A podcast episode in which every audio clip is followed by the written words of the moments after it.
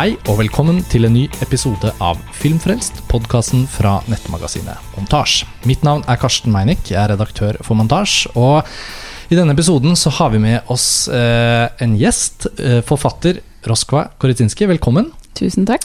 Nå begynner jo filmfrelstlytterne å bli kjent med din stemme, i hvert fall litt, sånn gradvis. Eh, Den forrige episoden du deltok i, den handlet om en helt annen film enn det vi skal snakke om i dag. Eh, sommerfilmen 'Et helt halvt år'. Det stemmer. Eh, det var for så vidt også en adaptasjon, som også filmen vi skal snakke om nå er, men Mm. noe ganske annet. Takk for at du er tilbake på Filmfrelst. Takk for at vi kom med. Og tredjeperson i panelet, en gammel kjenning, Lars Ole Kristiansen. Hei, Karsten. Hei. Nå må jeg bare først få si at jeg syns det var Altså, gratulerer med å ha klart å lage en link mellom et helt halvt år og Solaris, selv om linken var at det er en adaptasjon.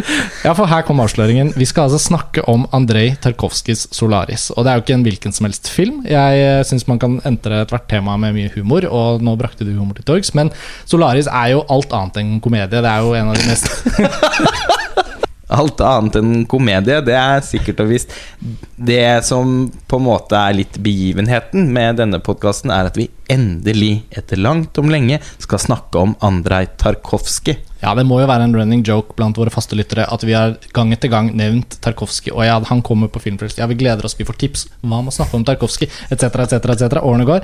Jeg har forklart tidligere at en av mine problemer har alltid vært at jeg har faktisk hatt noen ordentlig store hull. Det er mye Tarkovskij jeg ikke har sett, men det har jeg faktisk gjort noe med i år. Så nå har jeg spist meg gjennom eh, flere av filmene etter hvert som de har kommet på Blu-ray, og jeg har kunnet kjøre de på lerretet istedenfor å vente på den evinnelige Cinemateket-retrospektiven. Ja, for det var jo det som var din forbannelse, at du hadde fått for deg at Tarkovskij, det måtte du Altså jomfrurunden med han, det måtte du ha på stort lerret. Ja, og, anledningene bare har glippet altså, gjennom hele min voksne, mitt voksne liv. Ja, og det var jo en, et Tarkovskij-retrospektiv på Cinemateket for sånn tre år siden. Var, eller to eller tre år siden Og det var da det første på mange år.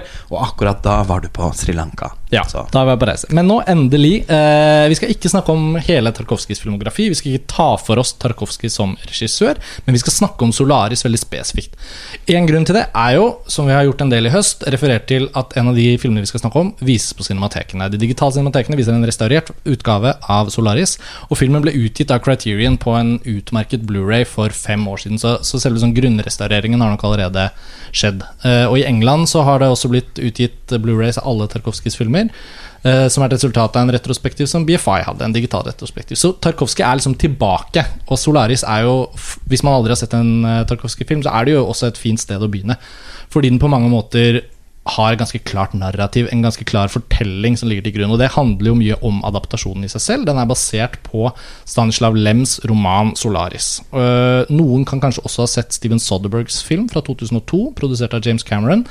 Som er Soderbergs adaptasjon av Stanislav Lems bok. Ikke en direkte remake av Tarkovskij-filmen, og de er ganske forskjellige. Vi skal ikke gå så mye inn på Soderbergs film, men uansett, det er liksom rammene.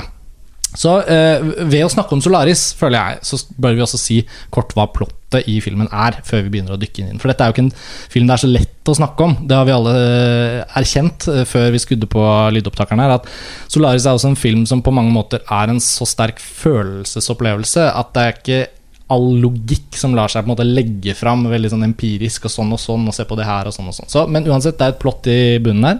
Jeg har tatt på meg oppgaven. Eh, Chris Kelvin, psykolog, får på en måte oppgaven om å reise til romstasjonen ved Solaris for å undersøke hva det er som foregår der. Dette er en romstasjon som har drevet et forskningseksperiment på effektene av å være i nærheten av planeten Solaris. Og eh, Kelvin reiser og kommer til en romstasjon som virker som et uh, forlatt nachspiel på mange måter. Han kommer inn i et rom som virker like forstyrrende som det er dårlig vedlikeholdt, på en måte. Både psykologisk forstyrrende, men også praktisk sånn skittent og rotete. Og han møter de gjenværende astronautene. En tidligere venn av han har sendt han en videobeskjed om at eh, du må komme hit, du må finne ut av det. Og det første han ser når han kommer dit, er at eh, hans venn, eh, som han kjente godt, er død. Og så begynner ting å skje. Jeg vet ikke om man trenger å si så veldig mye mer. Det er liksom rammeverket, og hele filmen foregår jo da på Solaris, eller på denne romstasjonen. Lars Ole, var det noe jeg burde, burde nevnt? Som jeg utelot? Eh, Det er jo ganske sentralt dette med kona, eller jeg vet ikke om vi skal gå inn i den Jo, jo, det må vi gå inn i. Jeg tenkte bare det kommer etter hvert, men ja, selvfølgelig. altså, Kan ikke du eh, presentere den biten av fortellingen, også? Ja, mm, kort fortalt så blir jo denne psykologen Kelvin eh, like før han reiser opp til romstasjonen, så får han se et videoopptak som er tatt for sikkert 20 år siden. Av en som har vært i nærheten av Solaris og opplevd at han begynner å se ting på planeten. Han ser et eh, spedbarn som ligger i havet. Eh, og blir da fortalt av de andre forskerne at dette er en slags hallusinasjon. eh, og det blir avfeid. Men denne Ja, han er vel egentlig en helikopterfører, tror jeg. Han advarer Kelvin før han skal opp, om at kan Han kan komme til å se ting som han selv føler at ikke er en hallusinasjon, men som andre vil fortelle han at ikke eksisterer. Mm. Uh, og noe av det første som skjer når han reiser opp dit, er at han ser at det befinner seg flere på romstasjonen enn en de som faktisk arbeider der. Uh, og i løpet av et halvt døgn så dukker da kona hans opp, som tok livet av seg ti år tidligere. Mm. Og mesteparten av filmen handler jo om hvordan dette møtet mellom psykologen Kelvin og den avdøde kona eh, blomstrer opp på ny. Ja. Ja. Det var egentlig en langt bedre eh, gjenfortelling av handlingsreferatet, kanskje, men nå har vi to. Ja, altså du har jo på en måte build-upen, og, eh, og, og, og Roskva har fått eh, presentert det som på en måte er mot, altså det mest vesentlige motivet i filmen. Mm. Altså det å gjenskape minner. Solaris, det, dette Solarishavet, det er en sjøplanet, er jo når menneskene ser inn i det havet, så er det som om havet skyter noe tilbake på dem. Mm. Eh, så det er en slags speiling av alle som ser inn i det. Og det som skjer, er at det gjenskaper personer som, som da ikke er til stede, og som de Altså, det på en måte gjenskaper det de lengter etter, Mm. eller det de har mistet. Mm. Og det er jo det som skjer med Kelvin, at hans kone, som tok livet sitt for noen år tilbake, plutselig blir å finne Altså, hun materialiseres på romstasjonen. Ja, og litt av problemet også er at det kan ikke avfeies heller som et privat minne som framstår som virkelig, fordi disse personene da blir personer som også er i stand til å se dem som minnes dem. Ja. Eh, Og interagere med de andre, de om bord. Ja. Ja, det kompliserer jo eh, De er veldig. egentlig i praksis virkelige. Ikke sant? Det eneste som gjør dem uvirkelige, er ideen om at de er uvirkelige, men i praksis er de til stede og like virkelige som de andre menneskene Og- på romstasjonen. Og når man først har Hvis man tenker på liksom nyere film og hva som foregår i filmkulturen, og sånn, så er det mye sånn high concept-ideer for, for filmideer. Liksom. Å, hva hvis det, det, det, det, det, og hva hvis det, det, det, det. Men det er ganske komplisert og komplekst hva Stanislav Lem, sikkert i romanen, nå har ikke jeg lest den, men hva Tarkovskij da presenterer. For det er på en måte Det er den roen til Kelvin og de andre som er sånn Ja, her er disse luftspeilingene. De er selvfølgelig ikke luftspeiling, for de er fysiske. Så da er de på en måte androider. Eller sånn De er av kjøtt og blod, men de er ikke mennesker. Og de kommer fra hver og en av menneskenes uh, minner, eller levde liv.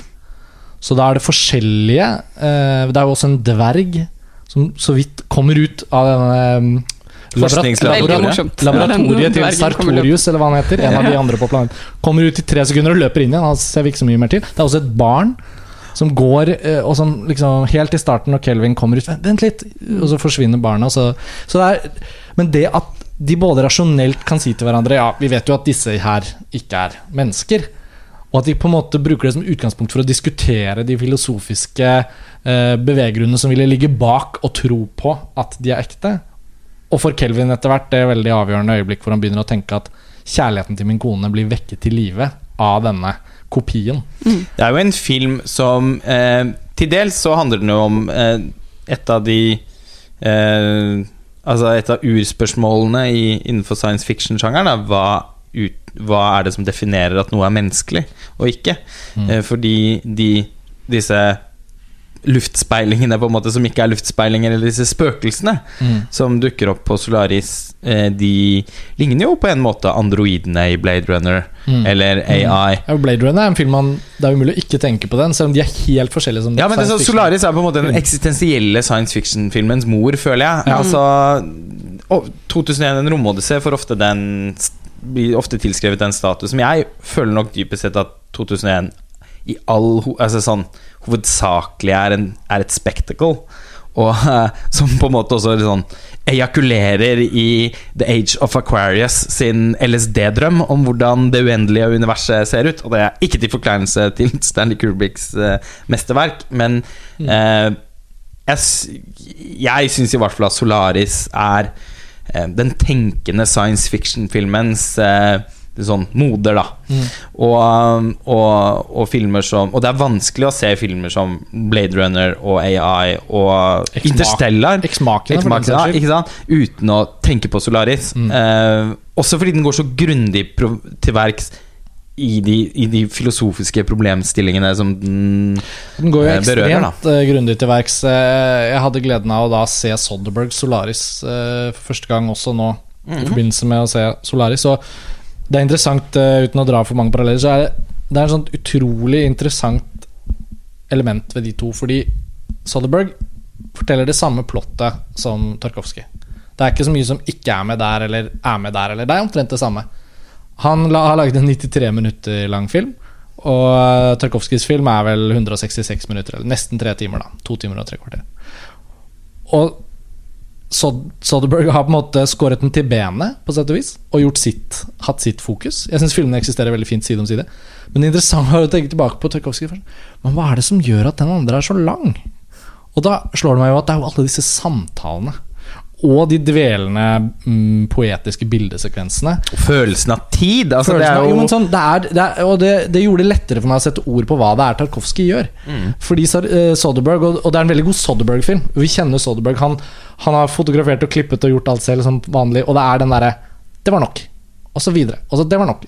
To minutter inn i Soderbergs film Så skjer det noe som skjer tre kvarter inn i Tarkovskijs film. Men jeg savnet jo åpningen til Tarkovskij.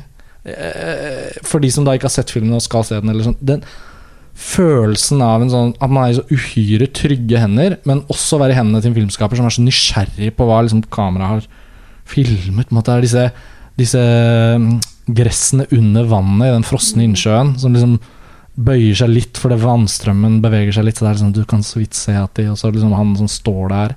De fantastiske små snuttene av en sånn hest som beveger seg i bakgrunnen. Og så blir den konkretisert. Den står i stallen. Og han tar seg tid, og vi blir veldig Vi kommer liksom inn i rytmen til hovedpersonens psykologisk Eller hans state of mind, på mange måter. da Og det å oppleve en hel film da som aldri viker fra den rytmen, at vi er liksom hos Kelvin, med Kelvin i alle hans psykologiske refleksjoner, og etter hvert som det strammer seg til oppe på romstasjonen der, så blir det jo ganske eksistensielt for oss også. Det likte jeg utrolig godt, men jeg syns det er vanskelig å si hva det er. Det er bare den helhetlige tonen som Tarkovskij Han gjør det med så stort alvor. Du kan nesten få en sånn følelse av å være i kirken. Eh, vi snakket også litt om det fordi musikken er så uttrykksfull.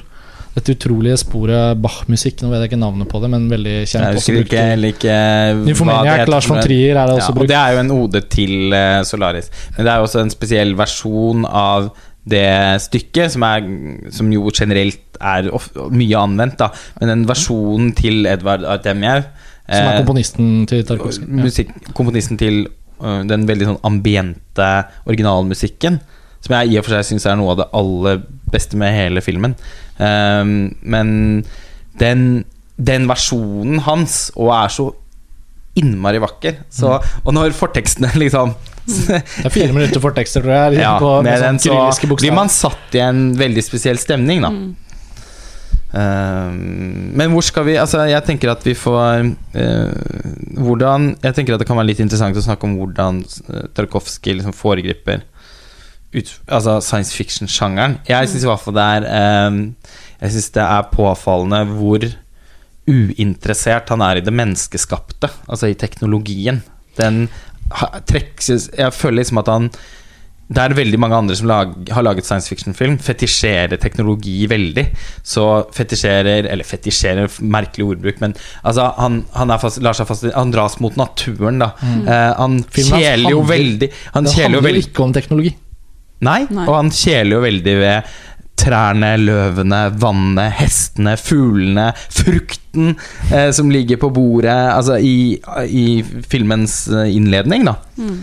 Eh, på en måte som Altså, han viser en fascinasjon for det gudeskapte. Mm. Eh, som Ja, og så handler det på et eller annet vis eh, mer om Altså, det gjelder jo for så vidt speil også, men, men i Solaris og litteraturen har en eller annen sånn eh, rolle Den er i bakgrunnen, men det er akkurat som den ligger der. Eh, også på denne romstasjonen er det et bibliotek. Mm. Eh, og en eller annen sånn, som det ligger en sånn aura av mystikk rundt. At det, det finnes en eller annen form for sannhet der. Og de går og blar inn noen bøker, men de klarer ikke helt å finne fram til hva er det, hvor fins det.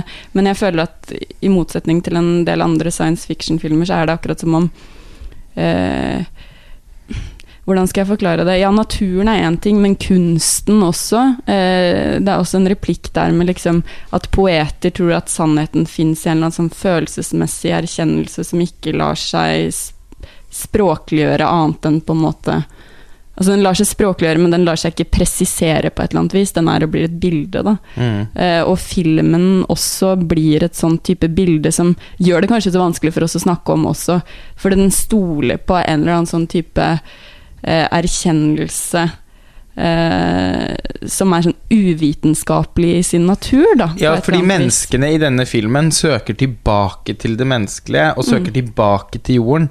eh, Der hvor rollefigurene i veldig mange science fiction-filmer drømmer om noe annet. Eh, og nett, jeg synes det er, eh, altså det, Dette rommet, dette biblioteket som du nevner, da, det er jo på en måte også litt sånn Earth Room der oppe på den romstasjonen. Fordi det har en helt annen estetikk enn resten av skipet, og det er fylt med Ja, det er bøker der, men også der også, det er det, en kandelaber med stearinlys, og det er eh, bilder av Peter Brygel. Litt underlig at det gikk for han, når de skulle lage et sånn hyggelig rom der oppe. Og, den Får en ganske fin scenen effekt etterpå. Da, ja, og eh, apropos Lars von Trier sine referanser til, eh, til Tarkovskij, som jo begynner å bli veldig mange etter hvert, men i Melankolia så stirrer jo hovedkarakteren Justine på eh, dette bildet av Peter Brygel. Uh, 'Hunters in the Snow', eller noe sånt det heter det.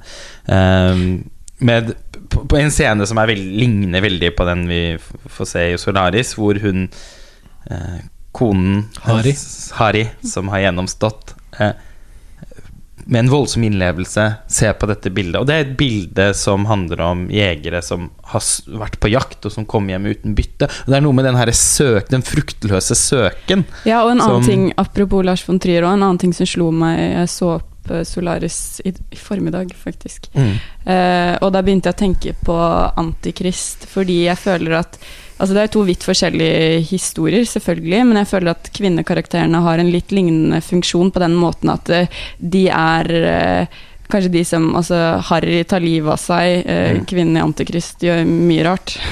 Ja, det. Uten at vi trenger å nevne alt det. Eh, men det er akkurat som om man starter med et blikk på dem som som om de på en måte forvalter en eller annen galskap eller overskridelse, men samtidig er det de som sitter igjen med det siste ordet. Mm. Eh, de blir løfta opp som på en måte noen som bærer av sannheten med stor S. Eh, der vitenskapsmennene og psykologene på en måte De rasjonelle i, ja, I desperasjon prøver å på en måte få kontroll over eh, eh, over tilværelsen, men må gi slipp, så står de kvinnekarakterene igjen og på en måte vet noe de andre bare på en måte så vidt kan ane. Eh, og at man som tilskuer også sitter igjen og har en følelse av at man vet noe som man bare så vidt Som kan om, de, ane. ja, som om de bare har sugd det opp av jorden. Ja. Det er et veldig godt poeng, eh, ikke, som ikke minst blir understreket av den scenen hvor han eh, drømmer om sin egen mor som ung, og hvor hun holder rundt ham og ta, liksom, som om han var et barn.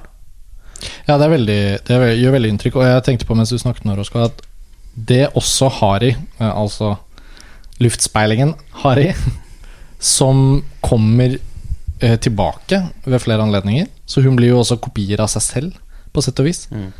Hun har jo også en erkjennelse som kanskje er mer menneskelig enn mange av de andre opplevelsene som noen av menneskene har på romstasjonen, som er erkjennelsen av at hvis det er en kopi jeg er, så vil jeg ikke engang være. Jeg vil ikke, jeg vil ikke erkjenne at jeg må være en kopi. Altså Det at hun har et sånn veldig sånn selvbestemt valg om at det her kan jeg ikke være. Det er altså litt sånn rørende, og da, det var derfor jeg også tenkte litt på Eksmakene. Eh, som er en nyere film, selvfølgelig, og som er mye mindre i på en måte form og scope, kan man si, enn Ja, det Solaris. jo Men Samtidig, men den er kammerspill. ja, Begge er jo på sett og vis det. og vis det. Men jeg vil ikke dra en for eh, stor sammenligning. Men Alice Garlands film Den er av science fiction-filmer fra de siste fire-fem årene, er den som kommer dypest ned til å ha en genuint interessant liksom Vekke opp noe som, som kommer fra da ikke, hoved, ikke den menneskelige hovedpersonens indre, men da androiden eller roboten i eksmakenes tilfelle. At hun liksom Alicia Vikanders karakter kommer til det punktet hvor hun bare tenker at nei, men det, nå, nå, må jeg ta denne situasjonen. Disse gutta her klarer ikke å Og det er litt det samme som Laris, at hun bare gjør som hun gjør, da. Hari. Harry. Mm. Og det syns jeg er en ganske sånn viktig måte å forhøye en tematikk på når man er filmskaperen bak det. Og liksom klare å vri det og gjøre det interessant. Så hun uh, Hari i Solaris, i hvert fall den siste fjerdedelen, så følte jeg hun ble veldig sånn oh, Ganske mye mer interessant også enn uh, kvinneskikkelsen i Soderberg Solaris. For han har gjort veldig mye ut av at det er en kjærlighetshistorie. Mm. Og da blir det liksom ikke så kult på slutten. For da blir det mer sånn de skal søke sammen. Mens uh, Tarkovskij er mer opptatt av at det er umulig, mm. på sett og vis. Mm. Uh, som gjør det jo mer deprimerende. Det er jo en sånn film som også er sunket ned i sorg. Føles ja. som den liksom er, står i myra til langt over livet og bare mm. er så Ikke ja, det deprimerende, men trist. Før jeg kom hit, at det er på en måte ja, det er, ikke, det er ikke det at det er noen sånn undergangsstemning nødvendigvis, uh, men det er bare uh, en følelse av avmakt man sitter igjen med etter å ha sett den. At det på en måte Ja likegyldighet på et eller annet merkelig vis, til tross for alle disse vakre bildene og mye flott dialog og sånn, så er det liksom, sitter man igjen med en følelse at er det egentlig er det egentlig noe vits? Det er en sånn fruktløs søken. Ja. Jeg kom til å tenke Jeg fikk assosiasjoner til Litt som å grave seg til Kina i sandkassen i barnehagen. Bare, ja. Nei, det går, ikke så, det går bare en halv meter ned, og det var den sanden vi la på. Morsomt å prøve, da. Ja, morsomt Virker dog ikke som de syns det er så morsomt i Solaris. Fordi det er ikke en film hvor rollefigurene er i noe særlig humør. Men eh, Nei, altså Ja, det er gravalvorlig eh, som den er, så har den Den klarer liksom også å jeg, jeg, kom Når jeg så den igjen nå, har jeg sett denne filmen mange ganger og blir mer og mer glad i den for hver gang. Den er uh, en av mine personlige Tarkovskij-favoritter. Det er mange Tarkovskij-fans som setter både Stalker og Andrej Rublov uh, høyere. Speil er det har nesten alle som favoritt. Uh, jeg òg. Men, men jeg blir liksom ikke ferdig med Solaris. Og den er litt en ny opplevelse hver gang òg, fordi den er så vanskelig å Det er litt vanskelig å liksom artikulere. Det er veldig lett å føle filmen. Det er litt vanskelig å sette ord på hva man egentlig tenker om den. Og en assosiasjon jeg fikk denne gangen, eh, var nettopp eh, Og dette vet jeg en scene som du òg har et veldig nært eh, forhold til, Roskva. Den her scenen i Fanny Alexander hvor eh, Isak forteller et eventyr. Eh, og som, som også handler om en sånn fruktløs søken. Altså et, men, at mennesket beveger seg mot noe, men uten å vite hva, og at hele poenget i seg selv er bevegelsen. Det er på en måte en enkel filosofisk tanke, men også veldig sann. Mm. Og, uh, og jeg, jeg, følte nå at Solaris tråkker liksom litt i det samme terrenget, fordi den på en måte så um, kommer ikke rollefigurene fram til noen egentlig erkjennelse. Mm. Men jeg syns heller ikke at filmen på noen som helst måte forteller oss at alt er meningsløst. Mm.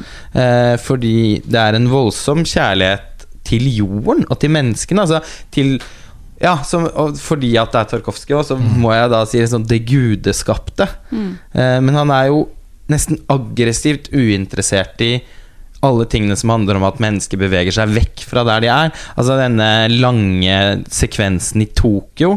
Og jeg ser for meg da at Tokyo i Andrej Tarkovskijs uh, hode er liksom menneskenes verste mareritt. Altså uh, en science fiction-aktig by som vokste opp av asken.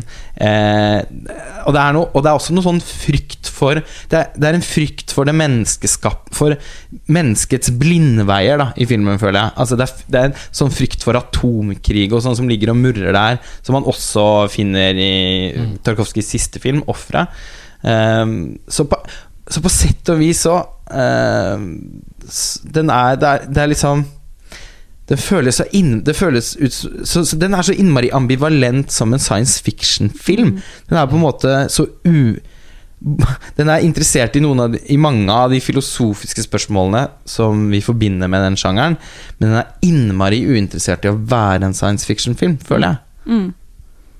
Og så er det veldig lett å begynne, og det tok jeg meg i eh, Nå vet jeg ikke om Tarkovskij var noe opptatt av type psykoanalyse eller eh, eller de tingene der, men den er jo hvis, hvis man er desperat på utkikk etter en eller annen slags form for bruksanvisning eh, som jeg ofte tar meg selv i å være, eh, og så må forkaste det perspektivet underveis. Da, men selvfølgelig, det er kanskje menneskelig å prøve å sette ting i system. Mm. Og da er det veldig lett å begynne å lese det inn i en sånn eh, ja, Psykologisere filmen, da. Mm. Eh, fordi det er dette med eh, eh, det underbevisste og eh, minnene om andre mennesker, og har vi egentlig anlegg for å elske, eller elsker vi ideen om andre? Altså sånne type ting som høres også kan høres veldig banalt ut, men som er reelt i de flestes liv. Det er et eller annet Mm. sånt spørsmål om hvor nært kan vi egentlig komme hverandre.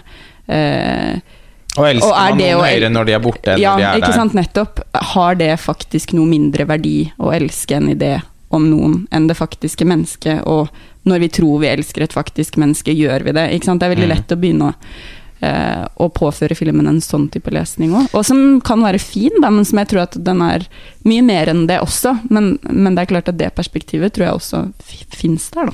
Altså Bare den av, siste scenen i filmen nå, hvor han kommer da på Solaris. Altså En ny sånn Solaris-fantasi. Den er veldig eh, Altså er Og den er mildt sagt åpen for tolkning, den slutten. da Det er en fantastisk slutt. Helt fantastisk slutt. Og det er jo et bilde Altså et bilde med sønnen som kneler foran faren som holder ham på hodet, er jo modellert etter Rembrandt sitt maleri.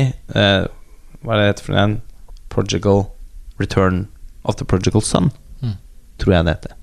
Eh, som eh, Og det er bare et innmari vakkert motiv. Så, Men det er jo liksom så også tror man det er der det liksom ja, og så så er det mye som tyder på at dette også At, at, er, at han nok en gang er oppslukt av Solaris. Men vi får jo se tidlig i filmen at han har et kjærlig forhold til det stedet han kommer fra. De, men, um, men det er noe at i denne um, fantasien, hvis man skal følge, Altså hvis vi skal kalle det det, da, mot slutten der, så får det liksom Man ser jo at det blir ladet med en mer sånn derre Åh, det er jo dette. Altså, eh, apro apropos det å, å oppleve noe sterkere når man er på avstand. Eller huske noe som eh, sterkere eller bedre enn det det var. Eller ja. Men Ja, Nå føler jeg at jeg er på vei inn i Solaris-båten Ja, selv. ja, man blir fort det. Men jeg tenkte også på, apropos det du uh, sa tidligere om at det på en måte er gjennomsyra av en eller annen sånn ambivalens. Eh, og det føler jeg at uansett hva slags lesning man velger, så eh, møter man seg sjøl der hvor, hvor filmen sier det motsatte av det du selv har valgt at den Mm. har fortalt deg.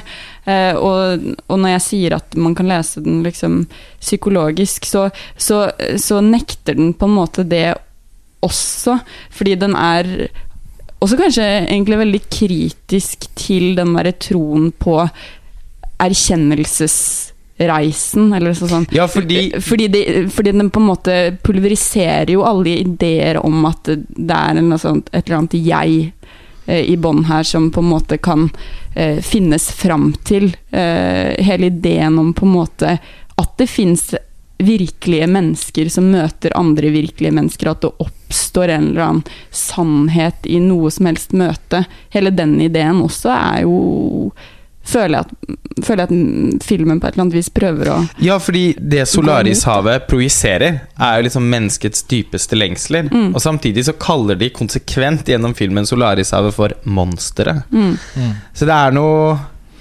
Ja. Men, men den slutten, for eksempel, da, det, er jo, det er jo også en rent sånn fortellerteknisk Så er det jo en elliptisk overgang, hvor eh, Kelvin står på romstasjonen og lurer Skal jeg, hjem, skal, skal jeg dra hjem til jorda nå? Nå som liksom Det er liksom litt sånn case closed med Harry 3. Mm. Og så, og så er det på en måte i- Eneren og toeren var veldig bra, men treeren eh, falt litt igjen. da, da var det over. Rush Hour 3. Da, ikke noe mer nå. Uansett, eh, der står han i en slags sånn undringsaktig Så Hvis jeg husker det rett, da bare, eh, Og så er det på en måte bare et klipp til den lille metallmatboksen på, som han har hatt med seg. Mm. Ikke, eh, Den har en liten plante, Mm. og den planten klippes assosiativt til disse vanngressene fra det første bildet i filmen. Mm. Og så står han der igjen ved den frosne innsjøen. Og skal Og- vente på et nytt mirakel. Jeg Ja. husker ikke akkurat hvordan, men det Jo, er det er en av de siste det. replikkene som er veldig fine. Hvorfor skal jeg dra tilbake til jorden Mm. for å, for å vente på et nytt mirakel på et eller annet vis? Men så også? fraktes vi på en måte da til jorden. Altså Vår assosiative reise med Tarkovskijs liksom montering av bildene er jo da at vi kommer tilbake dit og blir forført av det minnet, eller av den mm. opplevelsen han står i. Så jeg føler at det er veldig sånn tålmodig hvor han vil liksom slå oss til ro med at ok, så nå er vi her igjen. Mm. Og når Tarkovskij da også sier at ja, nå er dere her igjen, men så trekker han seg opp gjennom skyene, og så er det sånn Så er det liksom på en øy i Solarishavet. Og så regner det inne i huset. Ja, Ja. det er, så, det, er, det er helt fantastisk. Som, Men det er også sånn Eh. tålmodig. Det er den forstand Du vet ikke helt hva, hva, hva nå. Det regner varmt, så det damper av jakken Og faren registrerer det ikke, Nei. Nei, han som gjør at han plutselig kommer noe uvirkelig over han òg. Så den virkeligheten han har dratt tilbake til, løser seg opp på et Men eller annet idet kameraet kommer opp gjennom skyene, og vi på en måte får se Solarishavet med dette huset og den lille eiendommen som en liten øy, Mm. Da føler jeg ikke bare at han gir oss en sluttscene, men jeg føler også at han gir oss en sånn Dette er det store bildet til alle bildene dere har sett før i filmen. Altså Mm. Alle bildene dere har forholdt dere til i denne filmen, kan også ses fra et gudelignende blikk. ja, fordi Og der altså, er dere ikke der dere tror det er. Altså Det er noe med at han løser opp hele filmen, på sett og vis. Ja, fordi Solarishavets konsept, på en måte, det er jo at å gjenskape personer. Det er ikke noe annet som altså sånn Men her gjenskapes det jo plutselig et, et, en, en, et helt sted. Det sånn, så det blir jo på en måte også Hvis man skal snakke om en altså, sol, Det er jo da Hvis det Det er så vanskelig å si hva som skjer eller ikke, men, Men det er mer- hvis det skjer, så er det også sånn at Solaris-effekten utvides. Altså trenes de i å se på For de vil jo heller ikke Det er også interessant, syns jeg, at selv om de blir veldig de er, Alle er veldig selvbevisste på at de blir skremt av det, men de trekkes Mm. mot det. Og de snakker også om at de liksom trener seg opp i å bruke det de får tilbake fra Solarishavet. Den store f- forskjellen i Soderbergs Jo, men den store forskjellen i Soderbergs film er at han ikke inviterer til at man kan snakke seg så langt inn i, Nei, den, i et grep som vi gjør nå. den er jo en, Han- liksom en fortelling, men den Ja, har men jo også- veldig få av de tingene som Men- gjør Tarkovskij sin film så spesiell. Men også på det punktet vi er inne på nå, da. Mm. I uh, Soderberg Solaris så tar han i mye større grad sånn Blade Runner-lignende grep. Er det en replikant, eller er det ikke? Hvem er Mm. replikant? Altså sånn, Det blir jo et spørsmål rett og slett om ja, hvem er luftspeilinger? Er, er det flere enn de vi tror det er? Altså, Er George Clooney selv Og så altså sånn, Og det føler jeg også er mye mer sånn Det er klassisk amerikansk, da. Den lukker historien. Eh, og siden han har ønsket Og dette er jo Soderberg som da blant amerikanerne er den som Altså, minst grad Men Solaris er jo Den, er jo, den er jo mye mer sånn som The Shining. Jeg tenkte også mye på The Shining da jeg så den nå. Solaris. Ja, altså bare sluttscenen i The Shining, Ja, da. Dette ja. Fuck you etter Stanley Kubrick, som Mm. gjør at man bare Hæ? Hva? Eh, og måten det hotellet Fordi altså romskipet mm, Det titulære Eller altså ja. romskipet ved, ved, ved Solaris i Tarkovskij sin film er jo Det ser ut som en sånn Det ser ut som resten av en fest som var ferdig for veldig lenge siden. Akkurat sånn som Overlook Hotel gjør. Overlook? Overlook Hotel gjør mot slutten av The Shining. Mm. Og etter hvert så får man også en følelse av at, man, at det er helt uforutsigbart hva som kan komme ut av en dør der, eller Og den føles som en sånn labyrint, labyrint av minner. Ja. Så det som også minner veldig om The Shining, det er noe sånn Og, og det er uavklart. Altså hva På samme måte som i Kubrick sin film, hvor det At han Han blir jo aldri Altså, filmen finner jo aldri ut av hva som egentlig skjer. Hva, hvorfor det spøker på Overlook, om det gjør det, om det er Mm. rollefigurene sine hallusinasjoner, eller om det er noe ondt der. Det er det troligvis, men hva, altså, hvilken form tar det? Hvor kommer det fra? Hvilke potensial har det? Det føler jeg de to filmene har til felles. Og at man etterlates i uvisshet. Mm. Ehm, Jeg følte meg tvunget til å gjøre litt eh, sånn uh, produksjonsteknisk research uh, om Solaris før praten vår. For jeg tenkte sånn, jo, ok, hvordan var det? Hvilke, under hvilke forutsetninger ble denne filmen laget, egentlig? For det er jo faktisk Tarkovskijs tredje spillefilm av syv. Det er jo ikke egentlig et sent verk. Det er jo et ganske tidlig verk, hvis man kan si det på den måten. Og jeg forsto det sånn at uh, han hadde egentlig ønske om å lage en mye mer sånn personlig Helt sånn indre reisefilm, som Speil da mer ble. Uh, men følte ikke at det nødvendigvis var så lett å få det Sovjetunionens filmkommisjon til å gå for det. Og så la han frem da en adaptasjon av Stanislav Lems bok som en sånn Og da hadde han også gjort det, eller hatt, tydeligvis Tarkovskij selv hadde hatt en litt sånn problem med Kubriks 2001, mm. som hadde kommet da fire år tidligere. Og at han litt, sånn, litt ville lage ikke så begeistret for nei, den, nei. Og at han litt ville lage sin science fiction i opposisjon til Kubriks film. Mm. Um, som jeg syns er interessant å tenke på. Men, men også det, det vi er inne på nå med det, altså Tarkovskijs Solaris og dens liksom ikke helt den, den, den snakker jo veldig mye om på en måte Gud, men sier aldri ordet Gud. Og da fremgår det jo også at ja, for han jobbet jo også under sensur. Mm. Så det var sånn han kunne ikke bruke G-ordet. Mm. Og det er ikke sikkert han ville det i utgangspunktet, men det Mm. er interessant å se hvordan visse filmverk har fått en sånn ekstra kvalitet i det usagte ved at filmskaperne er tett på Mm. Sånn som de iranske filmene. Skulle til å si det. Mm. Det er jo et ferskt eksempel. Um, men det er jo ikke første gangen filmskapere har klart å lage utrolige ting under sensur. Da. At uh, Tarkovskij endte jo til slutt opp i eksil, og både Nostalgia og Ofre er jo laget uten, utenfor Sovjetunionen. Men, uh, men jeg liker å tenke også på at um, det oppstår en egen kvalitet nesten når science fiction-sjangeren og et så sånn eksistensielt og filosofisk eh, forelegg, som sikkert også romanen er, eh, blir lagd under de rammene. da At kanskje mange av de store amerikanske science fiction-filmene kunne nesten hatt godt av ha litt sånn strengere regler rundt seg. Det hadde ikke tenkt å være stat, statlig sensur, da men man kunne heller tenkt sånn Ok, hvordan er det mulig å gjøre denne historien uten å gjøre sånn sånn sånn? sånn. Hvordan skape en fornemmelse av det guddommelige uten å filme noen som ber til et kors. Ja, og for øvrig så leste jeg også at uh, han Stanislav Lem Han var veldig misfornøyd med filmatiseringen.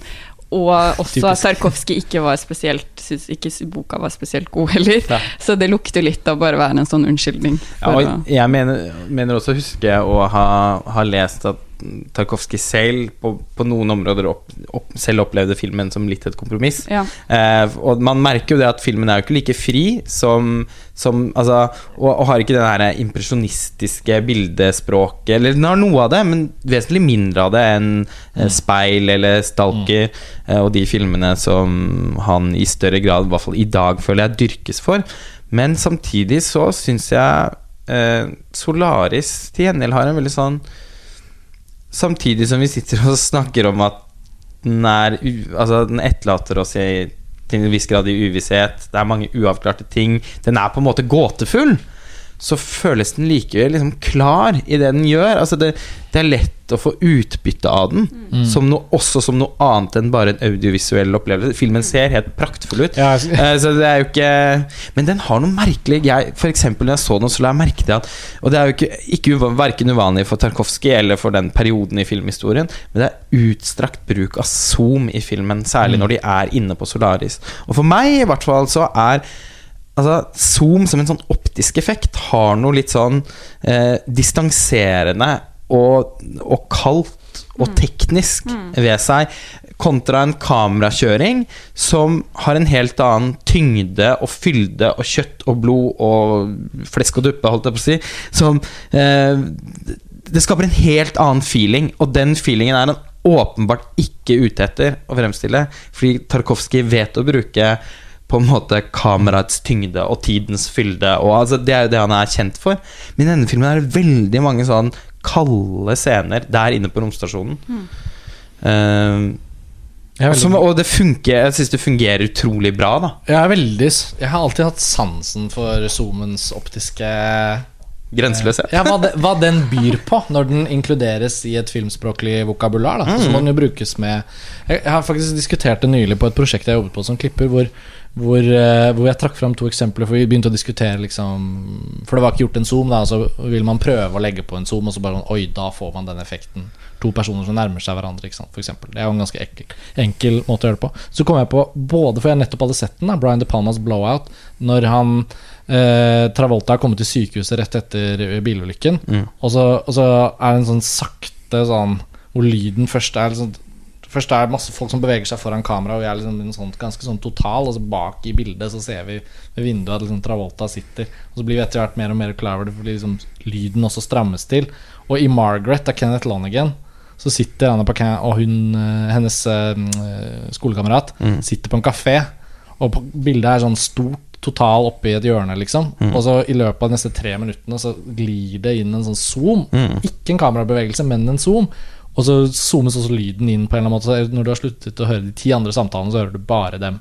Liksom, så det er jo selvfølgelig graden av bruk. Og jeg syns i Solaris tenkte på det samme, men jeg tenkte på det mer som en sånn herre Så utrolig effektivt. Akkurat for eksempel Ja, altså, jeg har ikke noe imot det, men- Men jeg interessant føler at det uttrykker noe bestemt. Altså, så mange følelse men akkurat zoomen er jo ikke et typisk sånn Tarkovskij-grep, vil man tenke da. Altså, Altså, jeg synes det var interessant du trakk det fram. Fordi Det var den måten å bruke zoom på som han gjør i den filmen, er noe jeg særlig forbinder med Stanley Kubrick sine filmer. Og der har det en veldig kjølig, altså er- distanserende effekt av både Clockwork Orange og The Shining og Barry Lyndon, ikke minst.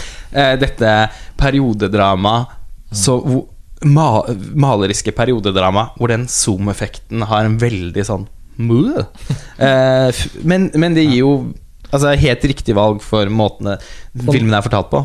Der hvor Kelvin eh, har lagt seg til å sove, eksempel, et sånn veldig langt zoom-bilde i Solaris. Hvor han har, Det er en kjøring. er det en kjøring? Ja, ok, Ja. da. Føles som en For zoom-kjøring. der Det er ikke spurte jeg faktisk tilbake. For jeg tenkte sånn, Ja, morsomt. Ja, Nå synes jeg det var ja, litt- Men hvordan vil du skille det? Hvordan vil du skille Nei. det? For jeg følte ikke at det var så lett å spotte. For meg Nei, var det mer som en zoom. Men der føler jeg at blir det veldig filmen teknisk Veldig teknisk. Ja. ja, ja, dette er sånn Nå går vi litt Scenen har absurd å diskutere disse detaljene. Men, det men, jeg, ja, men det var morsomt når du nevner den, så må jeg si det, for da spurte jeg faktisk tilbake for å se en gang til.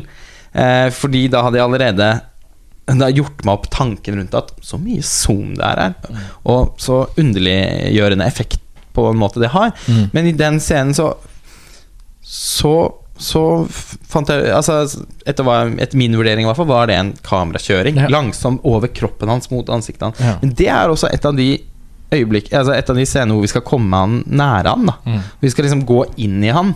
Så sånn sett så føltes jo også det som et veldig veloverveid filmspråklig valg. da Enig. Det er også et grep med farger her. Plutselig er det disse sånn svart-hvitt-aktige, men ikke helt svart-hvitt, tingene som han gjør. Det gjør han jo alt. altså, Ja, Tarkovskij har sånn veldig uanstrengt forhold til Det er så, han, Det det er er nesten så, fritt. Han bare Den scenen er i sort-hvitt, den er i sepia.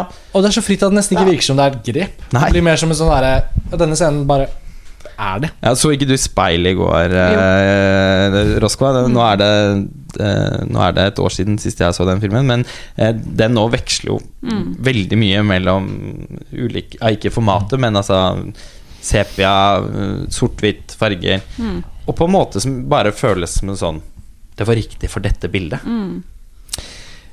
Jeg kjenner liksom nå, hvis vi skal begynne å oppsummere litt, da, at dersom Tarkovskij skulle liksom virkelig komme på moten, og da tenker jeg på unge, unge filmskapere, flere generasjoner yngre enn oss, cineaster og sånn, som liksom ikke har sett noe Tarkovskij begynner å se det. Det Alle filmene er nå ute på Blu-ray og det er liksom sånn noe med at formidlingen av Tarkovskij blir betydelig enklere, selv om det ikke er på Netflix. da Men uansett, eh, jeg tenker sånn Nå har det vært noen år hvor f.eks. Terence Malick plutselig begynte å lage masse film igjen. Og så har han liksom nesten laget i stykker sin egen estetikk og laget så mye filmer, eh, som vi har diskutert en del.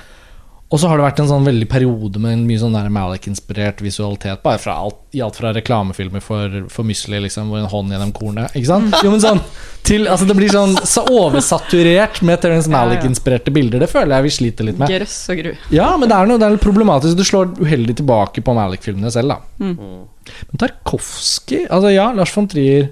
Og ja, selvfølgelig Joakim Trier. Eller Det er ikke det at Det er hvor mange av de store filmskaperne som har sett sin Tarkovskij og har liksom syltet sine egne filmer med ideer og visuelle motiver og sånn, som de kanskje har hentet fra Tarkovskij. Men jeg føler ikke at han liksom er på moten. Jeg føler helt motsatt, jeg. Jeg føler at jeg kjenner han igjen fra kanskje mer enn fra filmen, så fra fotografiet. Altså, Mm. jeg klarer ikke helt å plassere hvor. Om det er motefotografi eller kunstfotografi. Men det er noe med Særlig speil, kanskje, da. Men disse flassete murveggene, eh, turkist, rosa i noe sånn dempede Altså veldig gjenkjennelig, uten at jeg kan helt plassere hvor jeg har det fra. Nei, men, og, Ja, men jeg og og man den ser boken helt til Tarkovskij med pol- Polaroidene. polaroidfotografien Ja, hans, den tror jeg befinner seg på hylla til ganske mange fotografer. Ja. Men jeg tenker i hvert fall om, om du på noen områder er på moten og ikke. Det er ikke det, Jeg- det, er ikke det at det er så viktig, men jeg skulle, jeg, etter nå som det har liksom vært endelig fått stige litt Tarkovskij opp i livet mitt, da, så vil jeg jo på en måte si at er det noe jeg hadde ønsket velkommen bare om det skulle være bitte litt inspirasjon? Mm. Ta norsk film, f.eks., bare for å velge en filmkultur som har en lang reise å gå for å bli tilstrekkelig rik på diverse ting. Mm. Så er det jo, det er jo så mye Det er jo så mye å hente her. Han har bare laget de syv spillefilmene. Nå kommer Solaris på digitale cinematekene. Liksom fullt, kommer til å se helt fantastisk ut. Ja, den Criterion-restaureringen var i hvert fall Det mind-blowing. så bra, så tenker jeg sånn åh, Mer av dette. Men kanskje ikke fulle Tarkovskij-inspirerte filmer, men bare sånn 10 Men, men jeg har faktisk virkelig følt i løpet av de siste årene at Tarkovskij har kommet veldig på moten. Altså, mens f.eks. Ingmar Bergman eh, Mm. ikke føles helt på moten Nei, for øyeblikket. sant.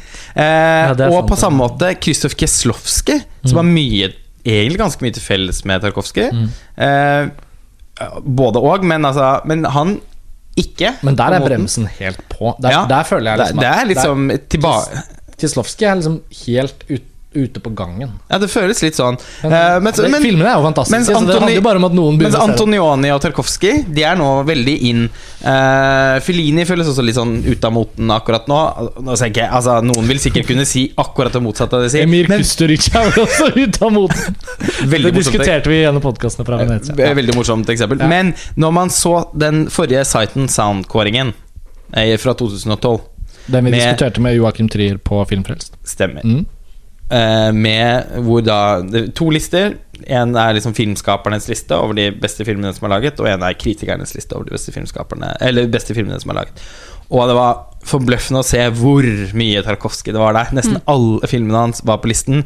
Eh, ikke en eneste Kieslowski-film. Mm. Eh, det, var, altså, det var veldig Tarkovskij-tungt. Mm. Så Sånn sett ikke glemt, han selvfølgelig. Nei.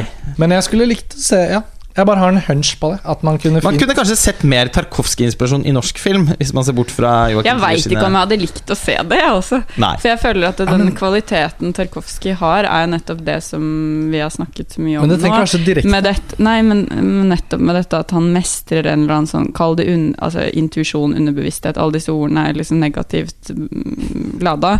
Eh, men, men sant, det er et eller annet med måten hans å se på. Mm. Og jeg tenker at skulle det blitt Nå er jeg kanskje veldig fordomsfull altså, mot du, norske jeg- filmskapere, da, Nei, men se for meg at man skal prøve å presse det inn i en eller annen sånn sosialrealistisk, ja. Nødvendigvis- halvveis politisk bevisst eh, Uff, det kunne blitt tøft. For det er ikke lett altså, som han, Det er jo ikke helt mulig heller å kopiere det han gjør. Men den filmspråklige friheten, Mm. Ja, for det, jeg den mente kan man la seg inspirere av. Ja. Ja. det tipper jeg at du gjorde. Mm. Eh, det kan man helt Altså sånn Det burde man la seg inspirere av. Men Mm. å forsøke å gjenskape Tarkovskij-øyeblikk, det kan jo bli veldig flaut. Men ja, motet, det savnes. Og litt den Mhm. derre at man viser litt fingeren til eh, til regler og ideer og Altså, jeg vet ikke. Ja, det er noe med den friheten i filmen. Ja, for selv om filmene er liksom både så søkende og, litt, og, og, og ofte nesten nervøse Mm. av natur, så har han likevel en sånn type selvsikkerhet. Ja, det må han jo ha. Det må sant? han ha, ha Ja, for fordi å kunne jobbe med det der i årevis og, Ja. og gå for det. Og grave mer og mer i Ja, ja. dybden av det òg. Altså, han vender jo tilbake til mange av de samme motivene i Solaris, i Stalker. Mm. Eh, hvor det også fins en sone som gjør noe med de som er i nærheten av den, og uh, som tiltrekker seg både, både eh, Altså de, de to filmene har jo veldig mye til felles. Også den strengt tatt å kategorisere som en science fiction-film. Eh, og det er også underlig at en filmskaper Altså Han er jo virkelig en filmskaper som utelukkende har vært interessert i de eh, filosofiske problemstillingene til science fiction, som vi ofte forbinder med science fiction-sjangeren, men samtidig er liksom, ag ja, som jeg sa jeg sa, aggressivt uinteressert i science fiction-filmens estetikk. Mm. Eh, men ja. Ja. Vi vi er kanskje ved veis ende. Kanskje. Kanskje. Kanskje. Altså, det er ikke sikkert vi er ved veis ende, men det er mulig denne episoden er ved veis ende. Ja. Kan man si det på den måten? Vi får vel eh, ta love lytterne våre nok en gang da, at vi kommer tilbake til Tarkovskij om en fem-seks år. Så Det var veldig pessimistisk. Nå er, nå, jeg tenker vi har fått åpnet døren. Eh, nå er det ikke bare en påstand lenger fra, fra oss tåpelige programledere her eh, om at vi kommer til å lage en Tarkovskij-episode. Nå har vi laget en Ja. Tarkovskij-episode, så det er jo bra. Og det er jo bare syv filmer, så sånn sett så burde det jo ikke være så altfor mange episoder som skal til for at man har snakket om nesten alle Tarkovskij-filmer. Men det tilhører fremtiden. Roskva, takk for at du har vært gjest på Filmfrelst igjen. Velkommen tilbake. Vi får se hvilken film det blir neste gang. Nå har du altså gjort et helt halvt år. Og Solaris av Tarkovskij til nå i 2016. Hvis det blir en til før året er omme, så får vi håpe at det blir en tredje helt annerledes film enn de to forrige. Og altså markedets lov og Lemonade og Ja, da, ja, ja, det er jo også i år! Ja, det er Gud, også i år. for en dårlig hukommelse her. Ja, Dette har vært et veldig bra podkastår for deg. Absolutt. Eh, men de to er jo også veldig forskjellige fra de to andre filmene. Så det, sier, det er jo bra variasjon her. Eh, Lemonade, der var det i og for seg litt sånn Malik-inspirasjon, da. Ja. Apropos det. men ikke. Tarkovskij. Nei. Ikke noe særlig, i hvert fall. Nei. Lemonade av Beyoncé. Det var verdt å bare huske på den igjen. Ja, nå, det slo meg nå. Jeg har Den, ikke glemt den. nei, men nå har jeg lyst til å se den igjen. Ja, den er her på Samme hylla her. i filmsamlingen. Den er, eh, den eh, er klar for gjensyn. Og vi skal jo kåre årets beste filmer om bare seks ukers tid. Mm. I midten av desember så begynner vi å arbeide ja. med å blir viktig å se opp lemmene i forkant av den kåringen. Ja, Ja, en sånn feeling på at den Fet kandidat for eh, Den har i hvert fall ikke tapt seg i hvordan jeg husker at jeg opplevde den. Nei. Jeg tror den har holdt seg. Jeg har ikke sett den på noen måneder heller. Nei, du har ikke det? Nei. Nei. Har du hørt den på albumet, da? Ja. Litt ikke i det siste, for jeg måtte si opp Tidal. Vi, vi, eh, her i familien min så sa vi opp Tidal, kjøpte CD-en, hvor også filmen følger med på DVD. Altså i bilen, eh, hvor vi ikke har noe streaming eh, options. Så kjører vi liksom Lemonade-CD-en på fast. Mm. Så hver gang man kjører bil, så er det Lemonade. Så det er sånn innimellom. Ja, Det at det var faktisk ganske lenge siden jeg hørte på musikken. Altså Nesten at jeg minnet mitt om filmen er sterkere. Altså Men det, altså, det snakket vi om i forrige podkast, og nå skal vi kanskje ikke trekke dette ut så veldig mye lenger. Men dette er en påminnelse om at folk må få sett Lemonade. Hvis Ja, de fordi ja. de må se den før de hører albumet, for albumet er bare så bra fordi man har filmen i hodet når man Ja. hører på det. Det er jeg føler, Når jeg har hørt Ja, det er ett verk. låtene, så har jeg liksom lengtet tilbake til Ja, filmen. det er akkurat det. Eh, og ja, nå ble det en link mellom Beyoncé og Tarkovskij. Ja, men kanskje det, kanskje det var like greit? Ja, er Hvorfor ikke?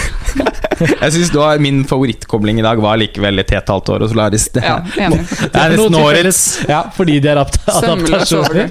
Ok, Vi får avslutte her med en eh, liten eh, runde til, med Lemonade. Det, det er altså Vi har jo laget da denne episoden om Lemonade, så hvis dere har hørt Tarkovskij-episoden vår og kommet hit, så må dere også gå og høre Lemonade-episoden hvis dere ikke har gjort det. Det er i hvert fall en veldig varm anbefaling. Da avslutter vi. Lars Ole, vi er jo sikkert tilbake på Filmfrelst om ikke så lenge. Roskva, velkommen tilbake. Vi vet du kommer til å komme tilbake. Håper Ja. det ikke er så lenge til. Uh, ja, det var det. Takk for denne gang, og ha det bra.